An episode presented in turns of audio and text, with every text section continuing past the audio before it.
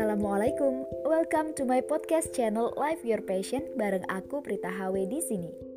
Sahabat Uma, kali ini aku mau sharing tentang jilbab wajib nggak sih? Dan bener nggak kalau jilbab itu menjaga kemuliaan perempuan? Nah sebelumnya aku tanya dulu nih, pernah denger kan statement kayak gini? Jilbabi dulu aja hatinya, baru deh tampilannya. Kalau aku milih berproses, memperbaiki diri dulu, emang nggak boleh? Slow kali love what you do aja. Kalau kamu maunya gitu, ya lakuin aja. Sahabat Umah, jilbab adalah satu turunan dari hijab. Kalau hijab artinya penghalang, bisa dibilang dalam pakaian outfit kali ya. Sedangkan jilbab sendiri macam gamis, lorong yang panjang. Dan ini udah Allah firmankan loh dalam surat Al-Asab ayat 59. Terus kalau kerudung atau khimar adalah penutup kepala yang menjulur hingga ke dada. Allah juga udah firmankan dalam surat An-Nur ayat 31. So, kalau segala sesuatunya udah jelas nih, dalam pedoman kita Al-Quran, masa sih masih ada pilihan yang lain?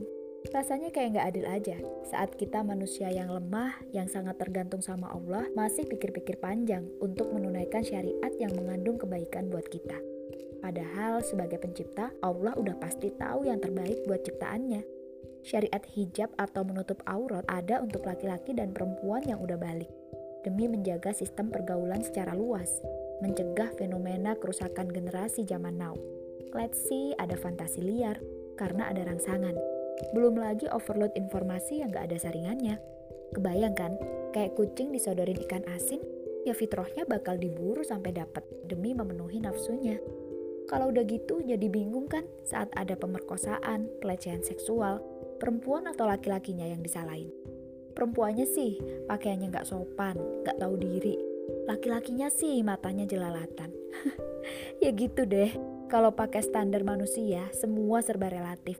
Coba pakai aturan Allah. Dua-duanya udah ada aturan menutup aurat, menundukkan pandangan, dan larangan berkholwat.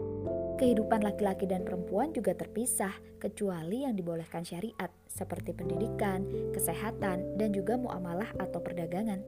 Coba kalau kita nurut aja, hati bakal tentram, kehidupan jadi lebih harmoni dan damai yang sesungguhnya. Kemuliaan perempuannya terjaga, laki-lakinya juga senantiasa bertakwa. Allah juga udah firmankan dalam surat Toha ayat 2, kami tidak menurunkan Al-Quran ini kepadamu agar kamu menjadi susah. Sih, Islam datang sebagai rahmat bagi semesta. Keep istiqomah sahabat Umah, see you on the next episode. Wassalamualaikum.